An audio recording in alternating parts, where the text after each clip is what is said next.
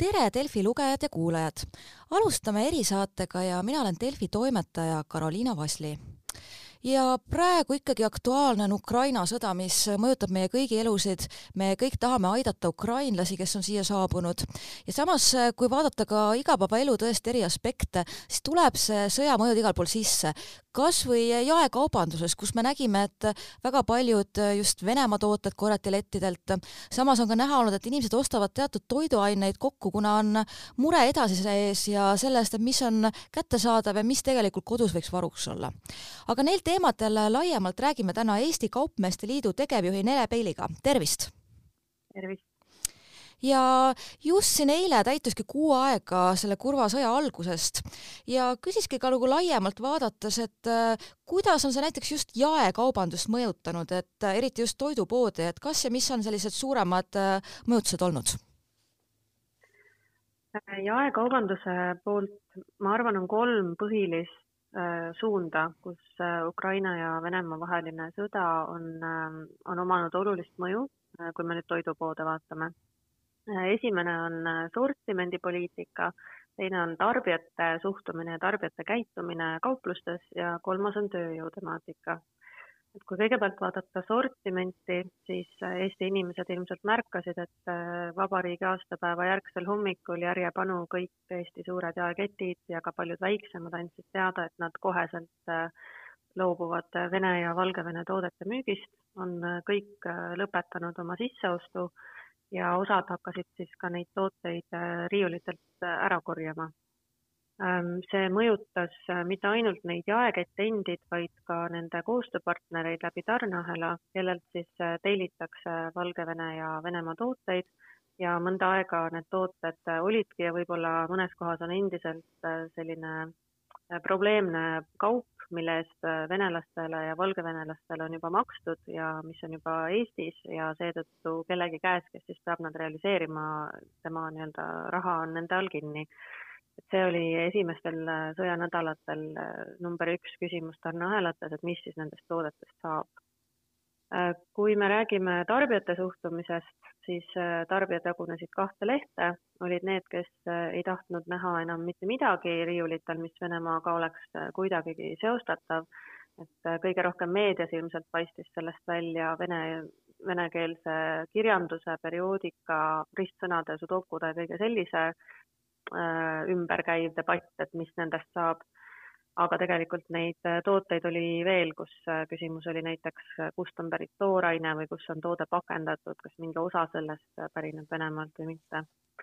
ja oli ka tarbijaid, kes loomulikult pahandasid, et nende jaoks siis meelepärased tooted ei ole enam kättesaadavad, nii et oli mõlemalt poolt seda suhtumist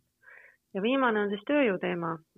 mis äh, ühelt poolt äh, haakub siis meie pideva tööjõupuudusega sektoris ja teiselt poolt siis äh, ka sõjapõgenikele kiiresti sissetuleku ja töökoha pakkumisega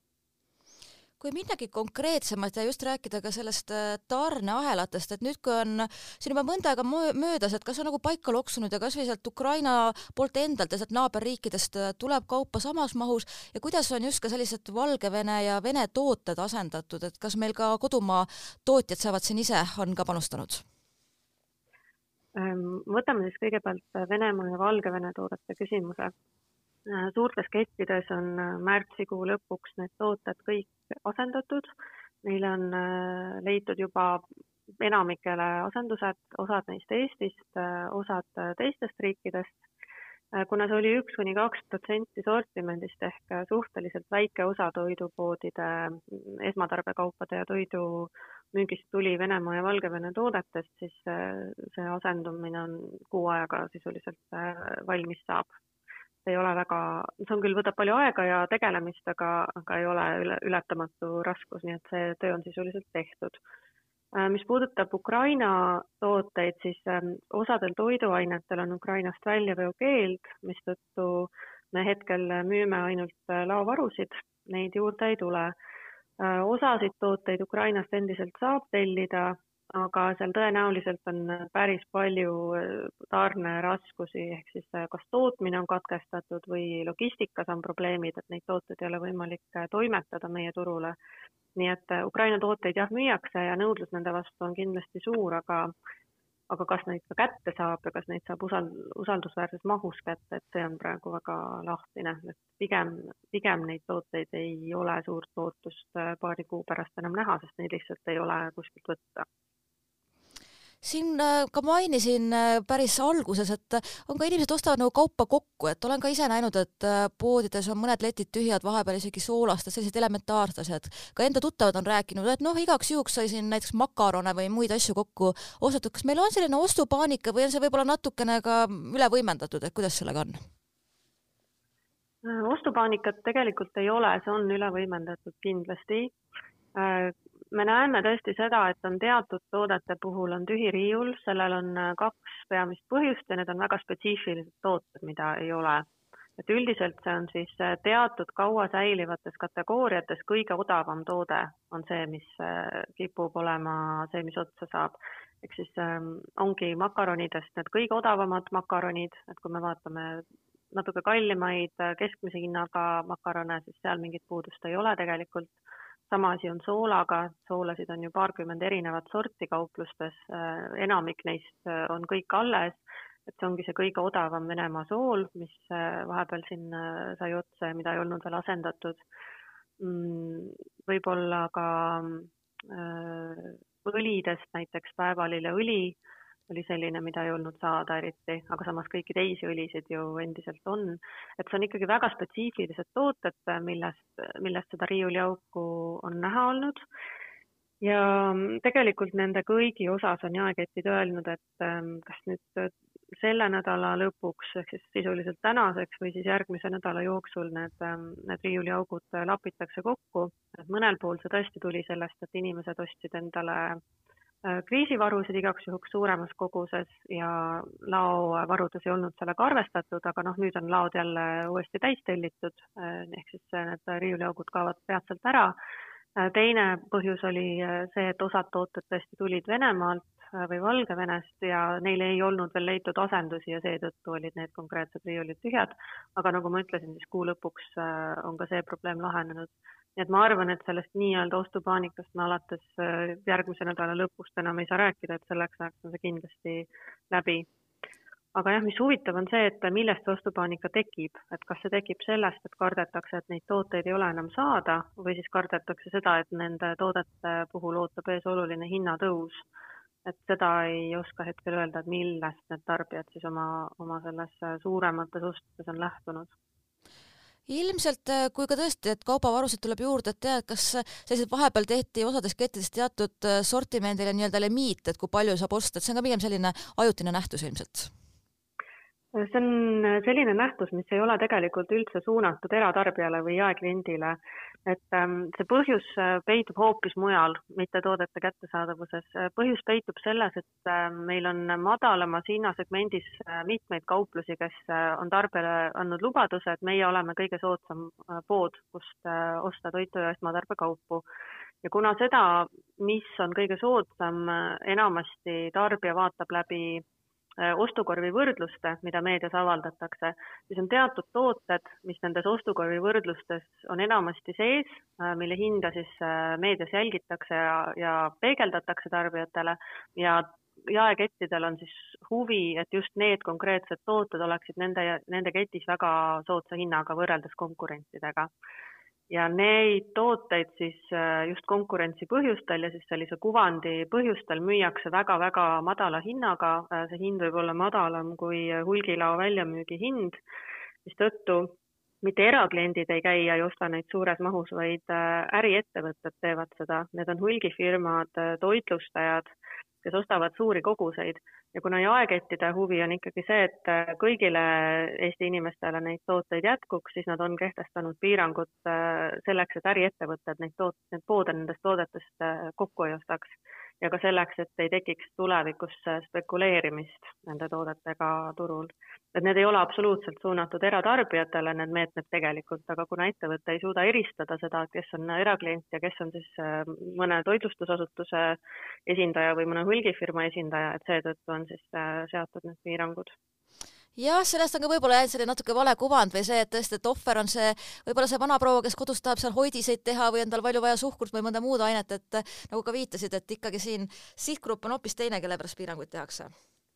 Nii on jah, et äh, see on muidugi nii, et mõned inimesed näiteks äh, moosi keetmise eel või mingite muude asjade eel soovivad osta suuremaid koguseid ja noh, tõenäoliselt nad siis peavad lihtsalt kaupluses käima paar korda aga jah, muidu vastasel korral tõesti võiks, võiks juhtuda see, et mõni hulgifirma tuleb ja ostab ära tervest poest ära kogu selle toote sortimendi ja tava, tavaklienti ei saa mitte midagi, et äh, lihtsalt kuna ei ole võimalik eristada, et siis kauplused on valinud sellise, sellise lahenduse. see kindlasti eratarbijale mõningat ebamugavust tekitab, aga tõenäoliselt mitte väga suurt. Ja ma arvan, suurem ebamugavus oleks see, kui neid tooteid lihtsalt ei oleks, sest need on mõnda, mõne firma poolt kokku ostetud nüüd me oleme rääkinud palju ka klientide seisukohast, aga kui vaadata ka leti taha just äh, on ka läbi käinud see tööjõupuudus, et äh, kas siin võivad äh, ukrainlased siis ka palju leevendust pakkuda, et ma saan aru, et osad kaupluseketid on juba hakanud tegelema ka aktiivselt sellega, et võimalusel neid kaasata? jah, kaubandussektoris on üsna stabiilselt puudu kuskil tuhat, tuhat kakssada töötajat ja kindlasti Ukraina sõjapõgenikud äh, on oodatud ja vajalikud selleks, et seda tööjõupuudust leevendada. Äh, nad ei saa kahjuks igasse ametisse tööle tulla, äh, kas neil ei ole siis oskusi või sellist spetsialiseerumist, kaubandusvaldkonna spetsiifilisi oskusi või nad ei oska eesti keelt, mis tõenäoliselt nende kõigi puhul kehtib aga ma usun, et kuskil tuhande või kahe tuhande töötaja vahel ikkagi sektorisse võetakse, äh, osaliselt siis seetõttu, et on täitmata ametikoht, kuhu on võimalik võtta ukrainlast, aga tõenäoliselt äh, üritavad ettevõtted ka toetamise eesmärgil siis tekitada selliseid ametikohti juurde, et äh, aidata inimesi ja pakkuda kas või osakoormusega mingisugust tööd ja sissetulekut. ja vastab tõele, et esimesed ukrainlased on juba tööl meie sektoris Äh, suured jaeketid võtavad kõik tööle Ukraina sõjapõgenikke, et äh, saja ja kolmesaja inimese vahel igasse ketti on tööle oodatud. Ja hetkel siis äh, need suuremad värbamised ootavad paberimajanduse taga. Jah, ma tahtsingi just küsida, et meil pahatihti kipub olema, et just bürokraatia võrgustiku takerdumine, aga ma saan aru, et osad on siis seal siiski juba reaalselt füüsiliselt ka saanud kohale minna ja hakata tööle asuda nii on, äh, need inimesed, kes tulid kõige esimese lainega, et võib-olla esimese nädala või kahe jooksul on üldiselt oma isikukoodid juba Eestis kätte saanud ja neile on äh, siis need, äh, ma ei tea, kas seda kutsuda tööloaks, aga noh, ühesõnaga neile on see töötamise luba antud ja seetõttu nemad on saanud tööd alustada. aga need, kes on nüüd hiljem tulnud, nendel see paberimajanduse kordaajamine võtab kauem aega, et seal Politsei- ja Piirivalveamet ka pingutab omalt poolt, et, et nad sellega kiiremini toime tuleksid, sest noh, päeva lõpuks äh, inimestel on ju vaja sissetulekut selleks, et ennast äh, ära elatada ja mingisuguse normaalsuse juurde naasta. igal juhul äh, meie ettevõtetel on valmisolek olemas, ukrainlasi oodatakse, et loodame, et et see paberimajandus kõigil saab ikkagi nädalaga korda, et see ei võta kuid aega just keele küsimuse tõttu nad päris seal kõike teha ei saa, aga ma oletan, et kuskil seal laos võib olla abiks või koristamisega või mis rakendust neile leitakse praegu, et? Mm, päris erinevaid, erinevaid võimalusi on kindlasti jah, sellised kohad nagu riiulite täitmine ja ladu on esmajärjekorras, aga on võimalik ka näiteks sellistes kauplustes, kus kohapeal toimub äh, toidu tootmine, äh, on võimalik siis rakendada, äh, kes seal küpsetab saiakesi või tehakse salateid või midagi sellist. Ähm, koristus, puhastustöödele on võimalik kindlasti võtta ja mingil määral on võimalik võtta ka saali teenindajaks, kui saab välja õpetada või kassiiriks, aga seal siis kehtib selline reegel, et peab olema ka eesti keelt oskav kolleeg kohe võtta ehk siis äh, Keeleamet on, on öelnud, et nad ukrainlastele eraldi noh, niivõrd rangeid nõudeid ei sea või vaatavad lihtsalt, et seal kollektiivis oleks olemas eestikeelse teenindamise võimalus, aga see Ukraina sõjapõgenik ise siis ei pea veel eesti keelt oskama. küll aga kindlasti jaeketid õpetavad neile koheselt selgeks äh, sellised esmased väljendid eesti keeles, et et kuidas tervitada, kuidas tänada, sellised baassõnavara õpetatakse neile igal juhul äh, selgeks seda on väga tore kuulda ja loodame, loodame, et väga paljudel neil avaneb võimalus siis seal töökoht leida. Ja, ja me loodame ka. just, ja veel erisaate lõpetuseks ma tahtsin küsida tegelikult võib-olla, mis on üldse mitte ainult äh, praegu, vaid jaekettide puhul olnud viimastel aastatel kõige põletavam teema on see Lidli turule tulek, millest nüüd ei ole veel päris kuu aega, kui ma õigesti mäletan, vist märtsi alguses tehti lahti, et kas midagi mingeid mõjutusi on juba sel ka meie turule või, või tegelikult äh, tarbijaid jätkub, poegate jätkub, inimestele meeldib poes käia, jätkub kõigile kliente või on mingeid muudatusi?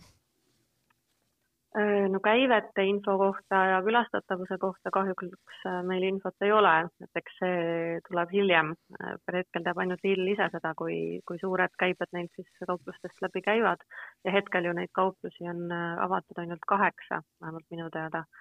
et väga ulatuslikku mõju kogu Eesti jaeturule sellest ei saagi olla, et seal pigem on mõju siis nendele kauplustele, mis on seal vahetus läheduses, et vaadata, et kui palju on siis konkurentse Äh,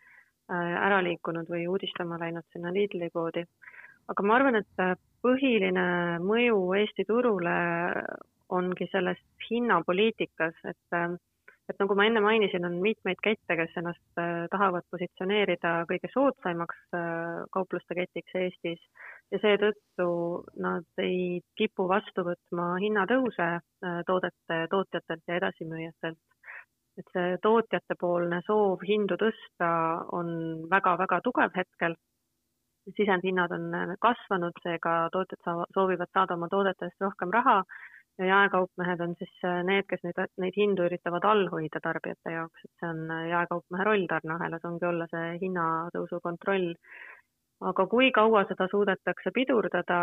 see on keeruline küsimus ja, ja Lidl kindlasti on üks faktor, mis sunnib ka teisi jaekaupmehi äh, hoidma hindu võimalikult madalana võimalikult kaua. Ja nii palju ka ise kui tuttavatega ja lugejate tagasiside, et kõik nagu kardavad ikka seda inflatsiooni, aga ega ta lõpp, lõputult ega need jaeketid ka vastu punnida ei saa, et ikkagi lihtsalt kõik läheb kallimaks ja paratamatult on, see puudutab ka toiduaineid nii on ja äh, jaeketid peavad ka aktsepteerima hinnatõusu loomulikult, et vastasel korral äh, neil ju ei ole kedagi, kellelt osta mingisuguseid tooteid, et äh, peab arvestama. ja noh, ega tootjad pole ju ainsad, kellele inflatsioon mõjub, samamoodi see mõjub ka jaekaubanduse enda toimetamisele. kõik need külmkapid tarbivad palju elektrit, töötajatele tuleb maksta kõrgemat töötasu rendihinnad tõusevad, et sisendkulud ju kasvavad nii tootjatel kui jaekaupmeestel kui hulgikaupmeestel, et ähm, jah, inflatsioon ka toiduainetes on paratamatu jah, mõnest asjast üle ümber ei saa.